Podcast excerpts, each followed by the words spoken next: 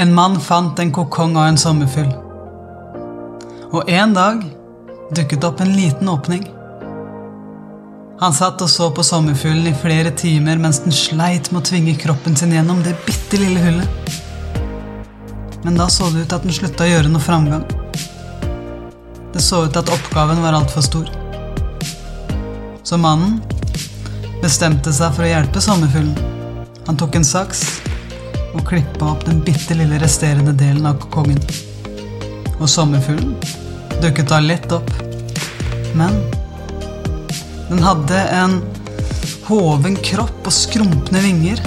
Men mannen fortsatte å se på denne sommerfuglen, for han forventa at vingene når som helst ville forstørre seg og utvide seg for å støtte kroppen. Men ingen av delene skjedde. Faktisk så brukte sommerfuglen resten av livet på å krabbe rundt med en hoven kropp og skrumpne vinger, for den klarte aldri å fly.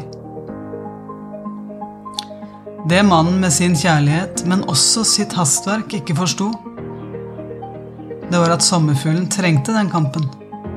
Sommerfuglen trengte den motstanden.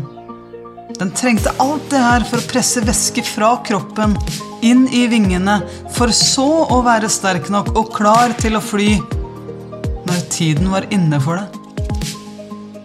Noen ganger opplever vi motstand i livet, og noen ganger krever det enormt mye av oss å kjempe oss til frihet. Og gevinsten blir så mye større etterpå. Når du ser tilbake og du ser at du kjempet, at du ble sterk nok til å kunne fly.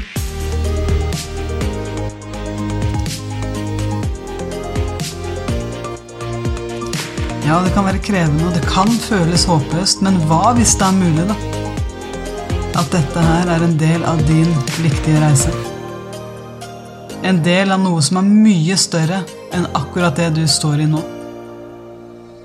Hva hvis det du kjemper mot, ikke er kokongen? Hva hvis kokongen er det som hjelper deg med å en dag kunne fly?